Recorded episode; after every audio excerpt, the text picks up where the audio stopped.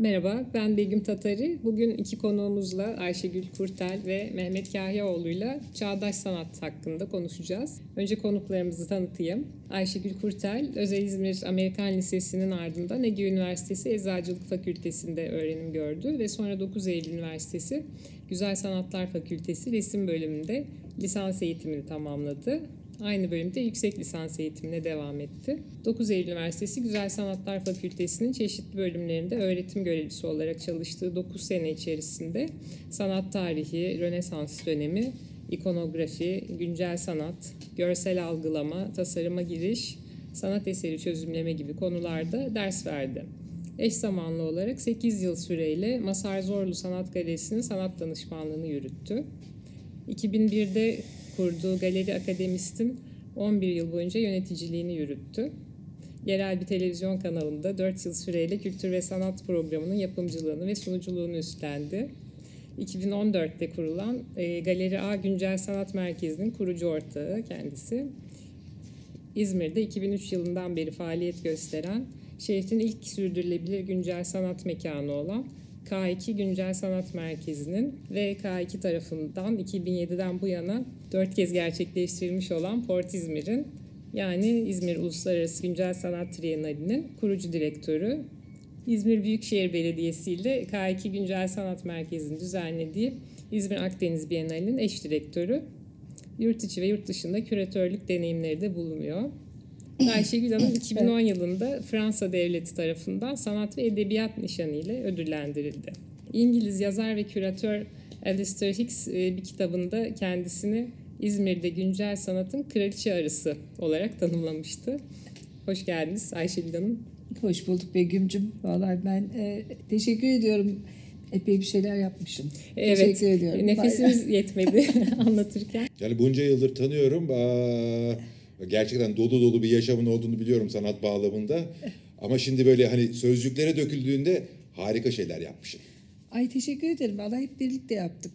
Mehmet, sevgili Mehmet sen e, he- herhalde senin özgeçmişini yarın sabaha kadar okuyacağız. Yok yok kısa olsun kısa olsun. Hemen başlıyorum. Doktor öğretim üyesi Mehmet Kahyaoğlu. 9 Eylül Üniversitesi Mühendislik Fakültesi Maden Mühendisliği bölümünde lisans eğitimini tamamladıktan sonra Ege Üniversitesi Edebiyat Fakültesi Sanat Tarihi bölümünü bitirdi. Ege Üniversitesi Bizans Anabilim Dalı'nda yüksek lisans ve doktora eğitimlerini tamamladı.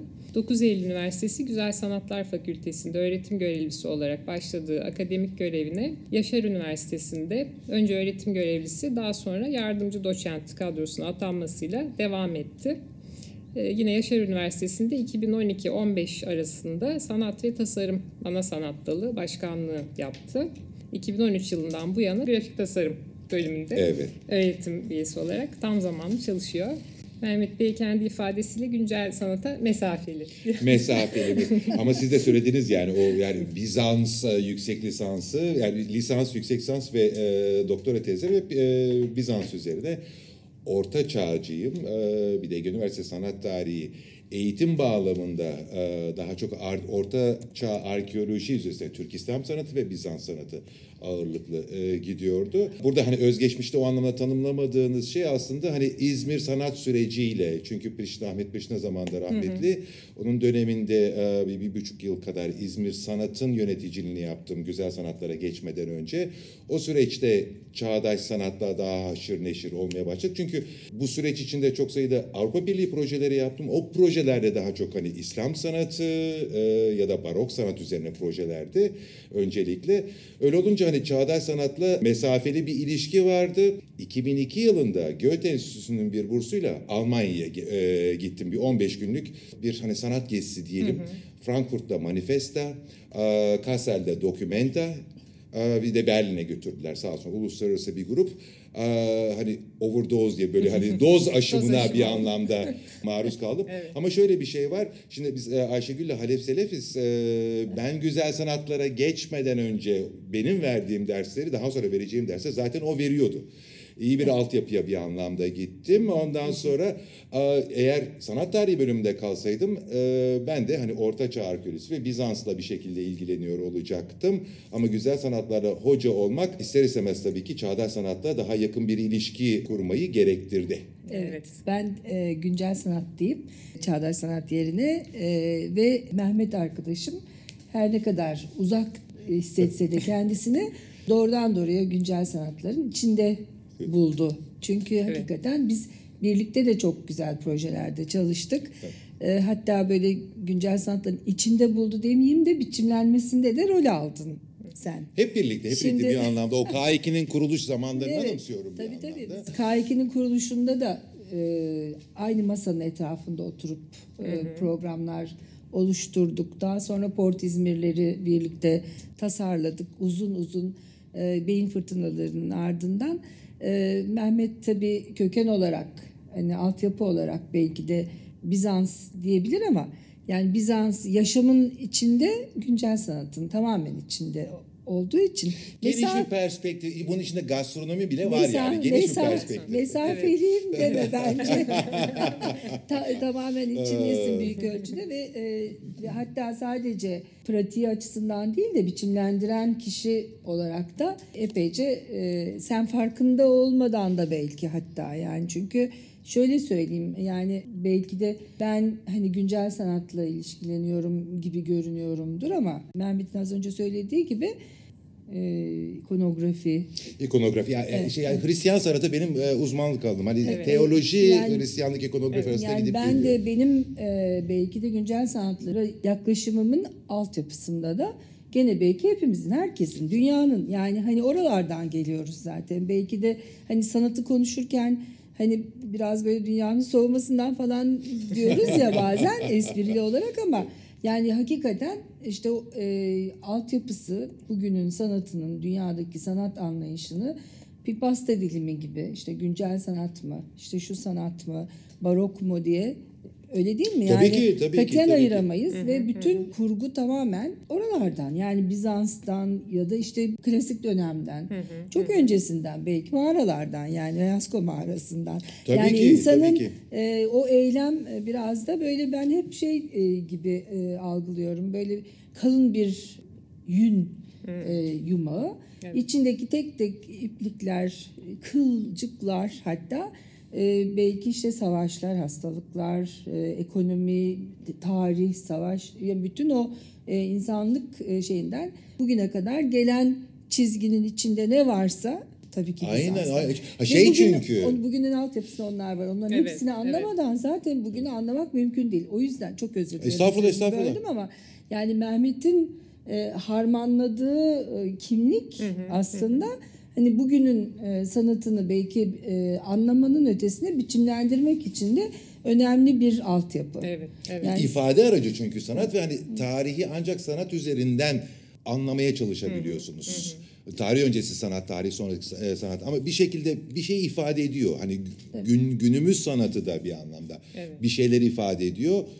Belki bizim biz daha farklı görüyoruz ama günümüzden hep bu böyle şeyleri e, düşününce Onkavara'nın o bir milyon yıl işi var. O yılları arka arkaya sıraladığı hani 10 bin yıl sonraki e, bir dönemde o zamanın sanat tarihçileri ya da sanatçıları günümüze baktığında günümüz sanatını nasıl algılayacaklar acaba? Günümüzün sanatçısı estetik kaygılarla mı iş üretiyor yoksa yaşamsal kaygılarla mı, politik kaygılarla mı?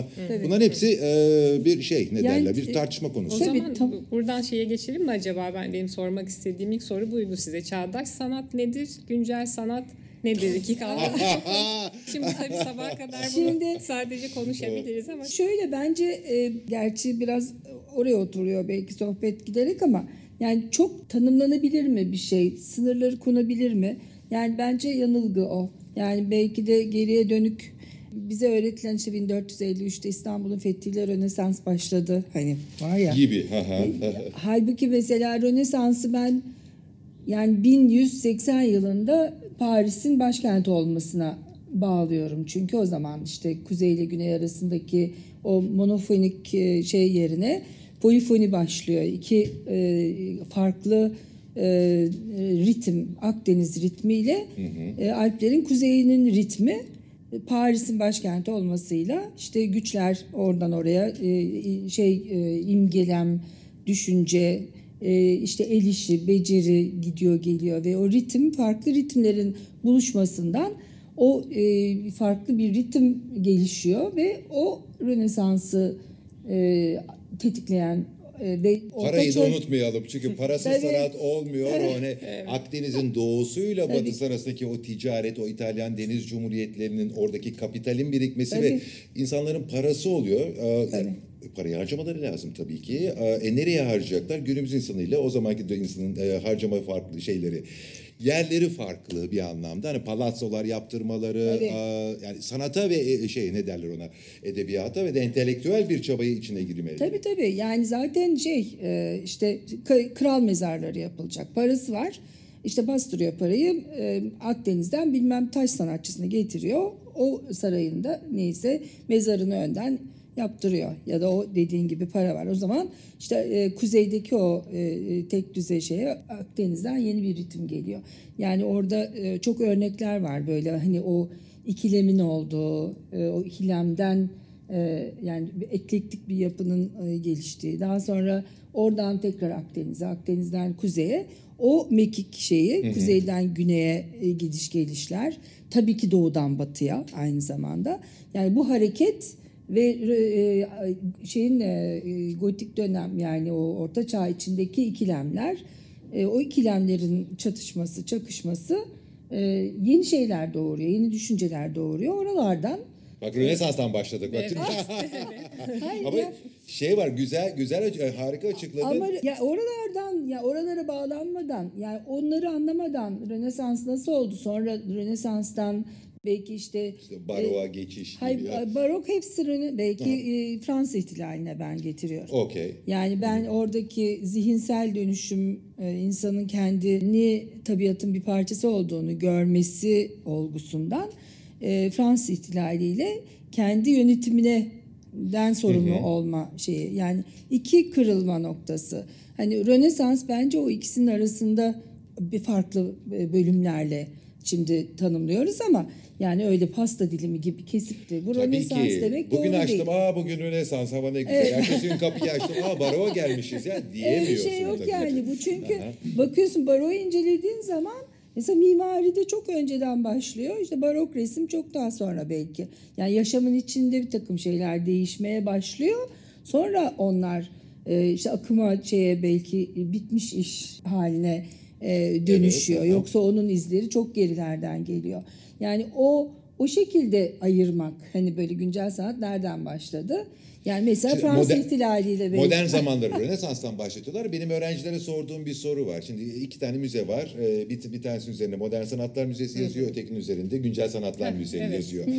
ne görmeyi beklersiniz içeride. Evet, Evet. evet. Ama Ayşegül de söylediği gibi kafalar karışık.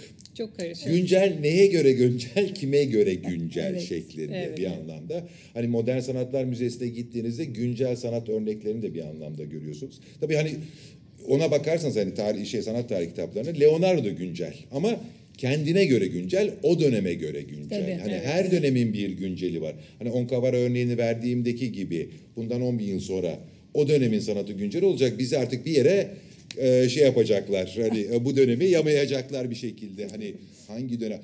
Postlar postlarda yaşıyoruz ya biz. Hani postmodernite post-truth, post-normal, po- post poster poster gidiyoruz. Geçenlerde e, Güzel Sanatlar Fakültesi'nde e, bir jürideyiz. E, Simber Hoca'nın bir kitabını da hediye ettiler sağ olsunlar. İşte e, post fotoğraf kavramıyla karşılaştım. Dedim ki ya, da- da- fotoğraf görece yeni postuna ne zaman geldik bunun şeklinde. Ama tabii ki hani kavramsal o hani analogla dijital üzerinden giden bir tartışması var. Biraz daha ayrıntılı şey yapmam gerekiyor ama Tabii. yani günümüzü de bir yere sokacağız. Okey günümüzde üretilen sanat. Güncel sanat. Ama hani bugünün günceli belki Zeitgeist ya da zamanın ruhu belki onunla ilgili. Hani bugün üre şimdi e, işte Adnan Saygun'dayız şimdi. Adnan Saygun Sanat Merkezi'nde. Burada sergiler açılıyor. Hani e, o sergilere baktığınızda modern döneme öykünen eserler de görebiliyorsunuz. Daha e, çağdaş deyince insanlar akla biraz daha böyle yerleştirme, 20. yüzyıl. enstelasyon, videolar. Evet. Hani benim çok sevdiğim video. en son e, bu Biennale gidemedim. Ondan öncekinde e, ana sergiden çıktığımda şey diye çıkmıştım. Yeter artık yerleştirmeyin şeklinde. evet. Ee, Şimdi hayır güncel e, şöyle e, çağdaş deyince aslında çağdaş 20. yüzyıl gibi algılanıyor. Yani çağdaş sanat işte bu e, Rönesans'tan işte Fransız ihtilali dedik. Sonrasında e, savaşlar var, dünya savaşları yani 20. yüzyıla girdiğimizde onun öncesinde yani birçok e, kavga gürültünün içinde tabii sanat hep hani böyle kendini ifade etmek isteyen, günün duyarlılığını hisseden ve onu yansıtan, yansıtmaya çalışan e, kişi sanatçı ve işte onu ürettikleri ortada. E, Onların e, bir var olma savaşı, kendini kabul ettirme ya da ettirmeye hiç umursamama. Yani o böyle ke- kendiliğinden yuvarlanan, birbirine bağlantılanmış, birbirinden etkilenen, te- tepki olarak Evet. ortaya çıkan birçok fraksiyonlar var. Yani bunları biz şimdi e, birçoğu biliyorsunuz akımların çok sonrasında reaksiyon olarak isimleri konuyor işte. Tabii ki. E, Aa, bu şey mi dışa vurum bu hani iş sanat manat değil dediğini daha sonra o bir dışa vurumculuk olarak baş başına bir sanat akımı İşte olarak. o şey e, post empresyon, art izlenimcileri isim bulamıyorlar. Hani çünkü e, hem benziyorlar hem benziyor farklı yaklaşımları var. E buna da art izlenimciler diyelim Evet o zaman yani diyor. o şimdi bir e, şeye baktığımızda geriye dönüp hani e, Mehmet Hoca'nın dediği gibi hani sonradan bilmem kaç bin yıl sonra bu dönemi nasıl tanımlayacaklardır. Yani o zaman tanımlanabiliyor belki. Çünkü hani e, aşağı yukarı o bir görünüyor ve tanımlandığı zaman aslında tanımlanabiliyorsa bitmiş demektir. Şimdi biz öyle bir kargaşa yani postmodern deniyor. Hani modernlerde, modern işte modernizm diye modernizm bir akım olarak şimdi Evet. adlandırabiliyoruz. Kim yerde devam ediyor, etmiyor diyebiliriz, tanımlanır. İşte bugün içinde yaşadığımız dijital sanat şeyi ağırlıklı e, işte kavramsal sanat diyoruz. E, kavramsal olmayan sanat var mıdır? Bilmem yani. Ben mesela kavramı olmadığında ona sanat diyor muyuzdur? Hani şimdi estetik Bu, diyorsun. bu da ayrı bir konuyu da sizinle konuşmak istediğim. Yani ben mesela şeyi e, ben pek severim Sol Levit'i bilirsin. E, yani Sol Levit mes 1960'larda falan pek ünleniyor ama e, 1951'de onun bir işi var. Ben mesela onu kavramsal sanatın böyle hani yani kavramsal sanat Duchamp falan neyse işte bir sürü insan var. 1917'lerden falan da hani konuşuyoruz ama o böyle çok milimetrik e, formüllerle e, şey yapıyor, konstrüksiyonlar yapıyor yani. Hatta o konstrüksiyon yapıyor da hani bu heykel demiyor ona, structure diyor, sculpture değil de işte o boşlukları tanımlıyor falan. 1951'de çok titizlikle yaptığı bir kübü e, törenle yani açılışta sergi gibi basını çağırıyor ve gömüyor. Yani o işi yok ediyor. Yani işi yok etmiyor aslında. İş orada yani kavram olarak var. Yani o Yani yaptığı şuradaki kedisi gibi hani öyle oradaki Kübü var mı yok mu? kübü gömüyor yani ve bunu basının önünde yapıyor. Yani bu böyle bir deklarasyon gibi neredeyse. Belki de işte manifesto gibi belki de yani bu sanat nesneyle ilgisi yok sanatın. Hani bu düşünce diye. şey çok güzel o 1951 anlamda hani kavramla da bir anlamda ilişkilendirme bağlama. 20. yüzyıl çok enteresan bir yüzyıl zaten e, sanat bağlamında. Hani yeni üretimler bir de iki e, bloklu bir dünya. Bunun bir doğusu var, Tabii. bir batısı var. Soyut sanata doğru bir yöneliş hatta batı sanatçıyı o sanatın elindeki o potansiyel, o güçlü, gizil gücü engellemek için bir anlamda e, onu daha çok soyut sanata yönlendiriyormuş gibi de tanımlıyoruz. Çünkü soyut sanat özgürleştirir. Diyor. Politik mesaj yok. Propaganda yok. Ha, rahat. Ama öbür tarafta Doğu bloku ne yapıyor?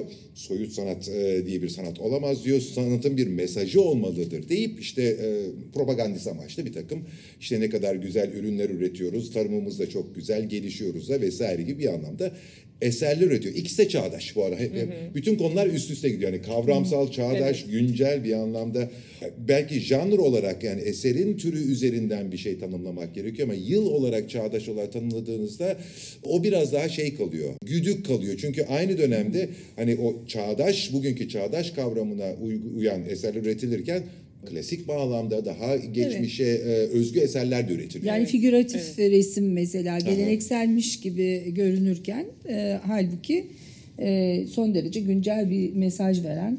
Bugün aslında yani e, çok enteresan yeni e, figürasyon dediğimiz işte e, genç sanatçıların özellikle geleneksel diyebileceğimiz bir e, formatta bayağı ciddi tuval resimleri yapıp etkili e, sergilerle ortaya çıktıklarını görüyoruz Evet. ki bu hani biraz önce konuştuğumuz o soyut kavramsal duruştan daha geleneksel bir e, soyut resim belki figüratif resim diyebilirim resim olarak. Hocanın dediği yerleştirmeyin artık bir. Biz yani yerleştirme bile hani ben şimdi Pasolevit özellikle vurgulamak istedim şu noktada çünkü hani bir enstelasyon yapmak ya da işte şimdi sadece durmak bile ya da işte şeyi biliyoruz Joseph Beuys'un şeylerini yaptığı işleri yani hani artık hani e, yapılmayan bir şey, yeni bir şey ne olabilir şimdi dijital sanat belki. işte. Sanatçının işi de zor. Ya. Yani o kadar çok şey yapılmış ki yani orijinal bir fikri geleneksel bir yöntemle tanımlamak ya da onu sunmak ya da geleneksel bir yöntemle orijinal bir fikri sunmak Evet. ya da hepsinin orijinal olduğu gerçekten çok zor. Yeni e, de hani multidisipliner oldu artık. Hani çok farklı disiplinlerden yararlanıyorlar. Ama şimdi e, ben de diyorum ki arkadaşlar hep ben bunu ısrarla dönüp dolaşıp söylüyorum diye ba- bana takılıyorlar ama yani en özgün olan şey insanın kendisi ve mikrokozmik yapısı. Yani o mikrokozmos ve kendi kendi kimliğini yani birini e, ne öykünmek ya da biri gibi yapmak, bir şey gibi yapmak, adını koymak, tanımlamak hepsinin dışında, ötesinde bir e, sanatçının kendi kimliğiyle yani e, varoluşuyla ilgili onu nasıl ifade etmek istiyorsa yani sadece bir sanat nesnesi üretmek gerekmeyebilir. Sanatçının kendi varlığının o hareketli duruşu ya da işte belki bugün çok popüler senin söylediğin geziye benzer bir geziyi biz de Almanya'da seneler önce yapmıştık. Berlin'de o konuk sanatçılar, konuk sanatçı e, programlarında ne kadar önem verildiğini Berlin'de, Marsilya'da, Amerika'da, New York'ta hatta belki de daha erken örneklerinden savaş sonrasında Amerika onu çok yaptı. Jackson Pollock'un içinde bulunduğu o büyük bir apartmanda devlet onlara fon Evet, evet, verdi. evet, aha. Oraya topladı onları tabii Avrupa'daki o e, şeyin e, yeşermiş o e, sanat ortamını yani bir devlet politikası olarak e, hani sömürdü demeyeyim ama yani e, şey 30'lardan yaptı. başlayan bir proje aslında E, o devletin sanatçıları desteklemesi ama Yani daha ben- sonra Yani bu aslında hani sanatçılara bir fon yaratmak, sanatçıları belki sanatı yeşertmek için yapılabilecek en önemli şey e, sanatçılara çalışma alanı vermek. Yani o Amerika onu yaptı ve Orada işte orada o hep benim aklı okuduğum e, makaleleri gidiyor. İşte bu soyut sanata yönlendirme, e, bu işte politik bir amaç var mı? Gizli bir amaç. CIA'nin rolü ne? Bu şey üzerinden, MoMA üzerinden o dokümentanın başlatılması vesaire kafalar karışık. E, o anlamda karışık ama e, yine de dönemi gösteriyor. O soyuta doğru. E, ama en sonunda insanlar soyuttan da sıkıldı. Ha soyut soyut nereye kadar deyip ondan sonra tekrar o postmodern dediğimiz şeyle işin içine tekrar figürü soktular örneğin. Evet ama şimdi burada belki de e, senin söylediğin e, hani politika var mı bu işin içinde dediğimiz noktada sanatın gücünden de belki söz etmek Tabii lazım. ki. Çünkü sanatın hakikaten çok önemli bir e, gücü var ve ben e, hani finansman para olmadan olmaz diyorsun ya. Aynen. Şimdi mesela e, şeyin e, finanse edilmesi ya da sanatın bir şekilde e, paraya dönüşmesi meselesi ya da sanatçının hani desteklenmesi diyelim tırnak içinde meselesi enteresan bir paradoks da içeriyor diye düşünüyorum ben. Mesela çok da gerilere de gitmeyeyim hani bilgim olmadığı için sen belki daha iyi bilirsin onu ama mesela kilise döneminden kiliselere gidelim yani orta çağ başlarına. Yani kiliseler sanatçıları korudu, kolladı çünkü e, ihtiyaçları vardı. Şey var işte 6. yüzyılda yaşamış Gregorius Magnus var bir papa. Onun söylemiyle hani kitap okuma yazma Evet. bilenler için neyse resimde okuma yazma bilmeyenler için Bilmeyenler odur için. deyip Tabii. o resmi resim programını başlatıyor. Tabii. İyi ki de başlatıyor. Yoksa anlatacak bir şeyimiz olmazdı. yani o kiliseler, Çünkü- o resimler bir şeyi Çünkü anlatıyorlar. çünkü şey e, bir tane İncil yazılıyor ve onu birisi okuyor. Yani zihinlerde onun oturabilmesi için İşte onların e, resimlenmesi bu zaten ikonofil ikonoklas tartışması yani e, epeyce çünkü o zaman ikonaya giriyor. O zaman e, putperest miyiz biz işte tek tanrı değil mi bu kavgası. İşte o yüzden heykelden biraz uzak yani gotik döneme kadar Ama- heykelden biraz uzak ama sonra, duruyorlar. sonra yani kilise birebir sanatçılara diyor ki işte kim ne yapabilir camı yap sen e, heykel taş oy anonim sonra yavaş yavaş sanatçılar beliriyor anonimden çıkıyor. E, ve hatta yani işte e, hocanın dediği gibi heykel biraz şey heykel çünkü alçak rölyef orada kilisenin bir parçası. E, yavaş yavaş rölyefler yükseliyor. Kişiler belirlenmeye başladıkça rölyefler yükseliyor. Kollar uzuyor, bacaklar uzuyor, baş çıkıyor, bacak çıkıyor falan. Sonra böyle bir tık diye heykel e, kopuyor duvardan. Yani aynı zamanda da işte Donatello çıkıyor ortaya. Yani isim çıkıyor. Yani kişi beliriyor. Birey ortaya çıkıyor. Sanatçılar beliriyor. Şimdi burada ve Rönesans ve sonra kiliseye karşı tabii yani bir duruş o. Şimdi burada ben e, kilise kendi e, şeyini finanse ederek belki kendine ne karşıt bir şey güç geliştirmiş oldu. İşte şeyi konuştuk ya baro biraz hani tartıştık ya başta Ba- baro yani o şey o, e, kuzeyde başlayan o reformasyon hareketleri karşısında o Trento Konseyi'nde karar veriyor sanatı desteklemek ve barok üslup biraz o yüzden yani dinsel ajitasyonun olduğu Evet. insanın duygularını sömüren sanki gerçekten orada işte acı çeken bir İsa acı çeken bir Aziz vesaire o resimleri hissettirebilen Ama- programı destekliyorlar. Tabii, tabii. ama yani bir yandan da e, bir yandan da mesela işte e, politika diyelim Amerika'da. İkinci Dünya Savaşı'ndan bütün Avrupa'da yani zorlanan sanatçıları kucak açıyor. Onlar geliyor Nazi'den kaçanlar falan Evet. e, orada. Ama e, o şeyde e, bir noktadan sonra şeye Andy Warhol'lara kadar gelip böyle e, oranın kapitalist şeyine böyle bir e, şey e, oluşturmaya başlıyorlar. Yani hani Eleştirel yani bir bakış. Sana, yani sanatçının şöyle bir ayaklarını denk almak gerekiyor. Yani sanatçıya kimi neyi desteklediği. Şimdi bugün de bence yani ben bunu hani e, bilmiyorum hani aramızda kalsın.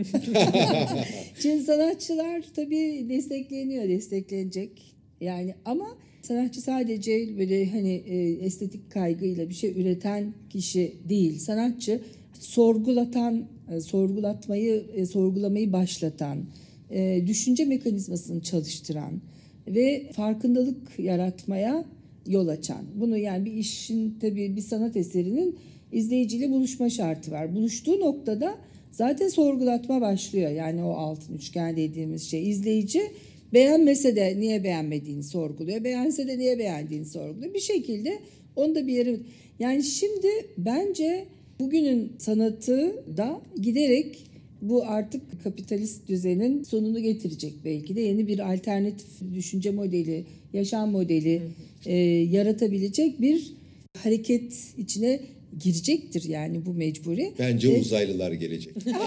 Bekliyoruz. Ve bunu da yani sanatçıların bir şekilde destekleyen e, şeyler neticede şu anda e, büyük şirketler işte e, büyük şey, e, firmalar sanki e, biraz da e, sanattan medet umuyorlar. Hani kendi şeylerini Ona e, katılıyorum ama biraz biraz için. da belki prestij sağlıyorlar. Yani Ondan sanat sonra biraz vergi indirimi sağlıyorlar ve çünkü hani karbon ayak izi kocaman olan bir holdingin işte yine Evet. ona karşı işlerin sunulduğu bir sanatsal etkinliği desteklemeleri İyi de ki. birazcık oksimoron oluyor. Ha iyi ki yapıyorlar. Sanat destekleniyor, sanat güçleniyor, sanatçı güçleniyor. Fakat sanatçı her zaman için mevcut sisteme, mevcut e, yanlış giden şeylere karşı duran, onlara e, yönelik yani gerçekten iz bırakan sanatçı o sorgulamayı başlatan kişidir diye ben şahsen öyle o, o romantik Ona, düşünceyle. ona katılıyorum. Ona kat- Şurada şöyle bir şey var. Sanatçılar e, illaki mesaj vereceğim kaygısına düştüklerinde o zaman e, işler bir anlamda yine estetik kaygıları var ama daha sonra çok yoğun mesaj bombardımanına böyle maruz Evet, kalabiliyorsunuz. O sanatla kurulan o saf e, estetik ilişkinin dışına çıkıp bu sefer sizi başka yerlere götürüyor. böyle bir şey De. mümkün tabii ki. Yani sanatçının böyle bir sanatçı böyle bir rolü daha sonra şey örneğini verebiliriz bu anlamda. Ee, Veronese'nin böyle 16. yüzyılda yapmış olduğu kocaman bir İsa'nın son akşam yemeği tablosu var. Bir e, şey manastır için yapıyor. Müzisyenlerin falan olduğu zaman Engizisyon'a çağırıyorlar bunu. Böyle son akşam yemeği olur mu? Burada kaç kişi var şu bu eser üzerinden ve resmi değiştirmesini söylüyorlar. Yoksa ya adam yanacak. Veronese sadece e, resmin ismini değiştiriyor. Ama orada söylediği bir şey var. Sanatçı Kana, konuyu Ka- alır. Kanan'ın evinde akşam yemeği. Levi, Le, yani Levi'nin evinde, Levi'nin Levi'nin evinde, evinde pardon, akşam yemeğini Kanal dönüştürüyor ama şöyle bir şey var. Sanatçı diyorum savunmasında konuyu alır ama istediğini üretmekte özgürdür. Tabii ki. Aynı Leonardo'nun böyle sanatçı yaratı bağlamında bir anlamda tanrıdır demesi gibi o anlamda son derece değerli. Yani iyi ki o sanatçı duyarlılığıyla topluma ilişkin bir takım sorunların e, sunulması o anlamda e, iyi ama e, bir sergiye gittiğinizde tamamen bir politik bir manifestoya dönüştüğünde Değil, tabii ki. e, o zaman da e, zaten politikayı her gün yaşıyoruz. Hani bir- biraz da farklı bir e, Hayır. boyutta bir o estetik deneyimi yaşamak istiyor Tabii insan. zaten ben şey de düşünüyorum yani e, sanat zaten hani majüskül bir P politika tepede bir yerde. Yani çok böyle tarafta durduğu zaman zaten sığlaşıyor ve şeyini etkisini kaybediyor. Yani bir politik bir taraf olmak ya da politik bir şey tabii biraz önce senin söz ettiğin o e, Rusya Sovyetler Birliği'nin hani komünizme e, şey yapmaya Propagandist yaklaşımlar. propagandist yaklaşımlar bir noktadan sonra etkisini kaybedip sığlaşıyor. Yani sanatın e, o e, şey gücü, kadim e, gücü Kavramsal gücü. Sen biraz önce söyledin ya Evet. o kavram gücü her zaman var. İşte her Evet. sanat eseri aslında bir Ya- anlamda bir kavramı içerir. Ya onlar zaten belki geriye döndüğünde yani sanat tarihini belirleyen ve orada tekrar adı geçen sayamayacak kadar çok sanatla ilgilenen kimse varken biz hala dönüp işte Verones'ten ne bileyim Leonardo'dan şeyden Sollevit'ten ne bileyim belli isimlerden Ve Batı üzerinden maalesef Batı üzerinden bakıyoruz okuyoruz bunu. Şeyi söyle düşünüyorum hani Evet e, o, o da çok önemli bir Evet. konu. Evet, Bilmiyorum da oralara da bir girelim mi? Duşam örneğini verdin ya. Ben Evet. hep ya 1917 New York'ta sanatçının birisi çıkmış bir pisuarın sanat eseri olabileceği iddiasıyla onu bir sergiye göndermiş. Yani bir espri de var işin içinde Evet. Evet. bir anlamda. Ama şimdi yine derslerde kullanırım ben bunu. 1917 bu coğrafya için neyi ne derler e, İfade ifade, ediyor. Evet. Birinci Dünya Savaşı, Çanakkale Savaş, Kan, Kurtuluş Savaşı arkasından gelen vesaire. Ay bir dada şeyi var zaten ya böyle artık. O ya o savaşın şeyi şey. buraya yansıması yok. O Avrupa'da var ama onun dışında yani insanların ne tür kaygıları var? Nasıl bir şey ki bir background'dan geliyor, bir altyapıdan geliyorlar ki 1917'de Dünya Savaşı sırasında böyle bir şeyi düşünebiliyor. Bu e, hani kültürel bir farklılık bir Tabii. anlamda. Şimdi tabii mesela 1917 dediğimizde e, Avignonlu kızlarda hani e, Evet. aha. yani o dediğin gibi yani Avrupa o zaman çok farklı yani böyle bir e, şey gibi farklı e, Picasso'ların şeylerin hani en yoğun sanatın tepkisel sanatın bir anlamda üretildiği süreç ama en başta konuştuğumuz gibi bunların hepsi gelenek olarak şeyin üzerine oturuyor. Kilisede konuşulan işte Tabii tabii tabii. Yani, Yani- onun üzerinden gidiyoruz. ama biz şimdi doğu dediğimiz noktada aslında bizim coğrafyamızı hani hesaba katacak olursak e, bizim coğrafyamızın aslında doğu ile batının arasında e, ki duruşuyla ilgili yani coğrafi duruştan söz etmiyorum ama hani bir de coğrafi Kültürel. duruş da var. Kültürel olarak yani biz ne olursa olsun doğuluyuz ama batıyla e, e, batıdan öğrendik. Yani işte mesela biz e, sanatın her e, alanı aslında e, bir dil dil öğreniyoruz. Yani dil sonuçta işte resim yapacaksak işte boya nasıl kullanır malzeme şudur budur. O bir dil yani. Ama onunla ne söyleyeceksin o önemli. Yani bizim bu coğrafyamızda aslında eğer ki hakkını veriyor olsak ki e, bir dönem hakikaten Doğu felsefesini ve bizim kendi e, coğrafyamızın, bizim kültürümüzün derinliğindeki zenginliklere, o kadim bilgiye gençler çok ilgi gösterdiği bir dönem vardı. Ben bu dönemde üniversitedeydim ve buna şahit oldum hakikaten. E, ve çok ümitliydim ki o doğu düşüncesinin hani batı tekniğiyle, diliyle e, ifadeye dönüşmesi ki Türkiye'de çok önemli sanatçılar hakikaten batıda e, sadece biraz önce söylediğim o ikono e, şey sanatçının kimliğinin önemi aslında e, mikrokozmik yapısı burada çok önemli. Yani o kendi kimliğinle onu o dili kullanabilirsin ama söyleyeceğin şeyde özgünlüğü yakalıyorsun. E, çok özgün, çok başarılı e, Türk sanatçılar e, uluslararası e, arenada çok önemli yer buldular. Bu e, devam eder ediyor aslında ama biz bu e, doğunun sanki işte doğu terörle, doğu şeyle yani bu e, 11 Eylül şeyleri yani doğunun e, doğuyu biraz böyle bu orta büyük Orta Doğu projeleri, Orta Doğu'daki bu kavga gürültü e, İran mesela çok zengin bir kültür. Irak, Suriye aslında Bütün co- yani şey yani Batı dışındaki diğer kültürler de Yani o aa, son derece kültürlerin zengin fakat bu Batı'yla buluşmasını çok özür dilerim. Estağfurullah, Yani estağfurullah. Batı'yla buluşması gerçekleşseydi eğer gerçek anlamda yani biz Türkiye olarak bunu hakikaten yapabilirdi diye düşünüyorum ben. Çok farklı olabilirdi. Bir şeyler değişebilirdi belki. Şimdi bu Doğu terörle e, şey olduktan sonra bu Doğu ile ilişki zihinsel olarak da biraz böyle olumsuz etkilendi diye düşünüyorum. Sekteye uğramış olabilir. Yani tekrar şey yapabilir. Çünkü Doğu'nun e, çok özlerim. Estağfurullah, estağfurullah. Bunu bir tamamlayayım çünkü şey önemsediğim bir konu. E, Batı'nın bu işte simülasyona dediği Baudrillard'ın hani hep Rönesans'tan beri neredeyse hani hep böyle belli bilgilerin refere edilerek hep dönüşmesi, e, dönüşerek e, kullanılması. Yani işte şeylerde bile akademik yayınlarda sayfalarla referans, referans, referans, referans. Hani geriye dönüyorsunuz. Belki onlar neyi referans almışlar. Hani orada bir kısır döngü. Yani doğuda da tam tersine hani yazılmaz edilmez ucu açıktır böyle bir şeydir. Ee, bilginin şeyi biraz böyle havada dolaşır gibi ama Sözlü gelenek daha sözlü fazla. gelenek daha fazladır ve şey. Şimdi yazılısı onu- yaygınla bir bir şekilde ama Doğu deyince hani bunun Orta Doğusu var, bunun Hindistan'ı var, bunun Çin'i var, bunun Japonya'sı Yani var. o ciddi e, bir buluşma, gerçek bir buluşma olup o kayıt şeyini de buluşabilse Doğu ile Batı bence çok zengin. Yani buluşuyor birçok alanda ama e, biraz bu işte savaşlar şeyler sanıyorum o bir beşiğe koyup bu kapitalizmi 14. korumak. yüzyıldan şimdi yazarın ismini anımsamadığım bir makale var Dünya Düzeninin Değişimi diye. Aa, sanırım 14.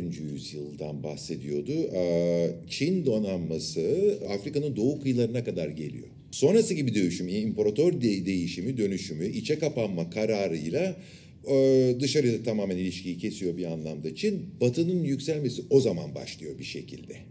Yoksa eğer Çin gelişmeye devam etseydi e, belki çok daha farklı bir dünyada yaşıyor olacaktık diyordu yazar iddiasına Evet. göre. Çok enteresan. O şimdi geliyor Çin bir anlamda baktığınızda Afrika'daki yatırımlar, Asya'daki yatırımlar vesaire şeklinde. Ama onun dışında hani genel olarak baktığında Batı e, terminolojisiyle yani şimdi Rönesans diyoruz, Orta Çağ diyoruz, işte Barok diyoruz vesaire. Bunlar hep Batı'ya göre kavramlar. Batı'nın tarihlendirmesi, Batı'nın dönemlendirmesi. Bir, bir de ben Orta Çağcıyım ama hani e, ismini hiç sevmiyorum. Hani Orta Çağ ne- ne kadar kimliksiz bir isim. Ama yani sonradan, bir şeyin tabii. ortasında yani Rönesans'ta antik antik değil, Rönesans'ın ortasında bir anlamda ama e, Arkas'ta bir sergi vardı. Hala da açık mı bilmiyorum. E, bu Paris'te Evet, e, devam Evet, evet. ediyor. devam ediyor. Son zamanları olsa gerek. Muhteşem bir sergi. Necip Necip'in kuratörlüğünü Ay Necmi, Kura- Sönmez. Necmi Aha, Sönmez. ne- ama Necmi pardon Evet. özür dilerim. Aa, çok güzel ama aynı zamanda patetik. Yani bir anlamda şey çok üzüldüm sergiyi gezerken şey bağlamında. Bir grup sanatçı moderniteyle e, eşleşmeye çalışıyor. Yani o öyle bir yaşam tarzı, öyle bir sanatsal üretim yapmaya çalışıyor. Ama ülkeye yansımasına bakıyorsunuz çok yalnızlar. Çok yalnız kalmışlar. Ama hani o alttan gelen bir destek yok. O- Asker, o, anlamda asker çok üzüldüm. ressamlar da Paris'e gittiğinde biliyorsun şey Osmanlı'nın son döneminde aynı benzer şey onlar böyle hiç Fransızca bile öğrenmeden geri geliyorlar. Böyle hani bu megalomanik bir şeyle böyle dolaşıyorlar orada algılamadan. Tabii Ama bu, üzü- yani üzücü bir süreç dönem- olarak görüyorum. Bir yandan da hani Öyle ülkemin makus tarihi bir anlamda. Sen- Senin söylediğin gibi doğulu bir ülkeyiz ama Batı ile yakın ilişkilerimiz var. Bir anlamda bakıldığında o ifadenin bir şekilde hani doğuyla batının bütünleştiği ortaya çıktığı bir eee, ifade tarzı olması gerektiğini Evet. düşünüyorum.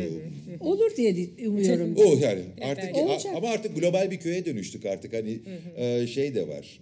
Batı da batıdan bıktığı için o da biraz doğuyu arıyor. Yani batı evet. dışında bir şeyler arıyor. Doğru. Yani onun için Aha. ben işte o Daha egzotik tatlar, Yani- egzotik sanatçılar. öykünmeden mikrokozmik yapısını koruyarak sanatçılar hakikaten e, tabiatla bir ayağı yere basan, doğayla doğadan kopmadan hani ben belki hep diyorum bu de biraz doğa neden doğadan medet ummuyoruz biz bugün hala? Yani dijitale o kadar e, yoğunlaştık ki e, ayağım bir ayağımız yere basmalı toprağa basmalı diye düşünüyorum. Mutlaka bize doğa yol gösterecektir diyorum. Ama ee, gerçekten de yani bugün günümüzdeki uygulamaların aslında yani batıyla batıdan kopmak diye bir şey yani kopmayı beklemek ya da kopalım demek çok anlamlı değil. Artık dediğin gibi bir e, dünya- Global köydeyiz yani. köy gibi ama hakikaten e, sanatçının duyarlılığının dışarıya vurulabileceği ortamların yaratılması, bir arada e, üretimlerin yoğunlaşabileceği, Evet. e, küçük platformların oluşması ve bu platformların hakikaten izleyiciyle bir şekilde buluşacağı yani böyle mütevazi e, şeyler çok büyük büyük projeler yerine daha yerel küçük projelerle e, beslemek ve onların e, organik olarak gelişmesini sağlayabilecek ortamlar yarat, yaratmak gerekiyor diye düşünüyorum. Hani bir çözüm olarak Evet. belki de. Evet.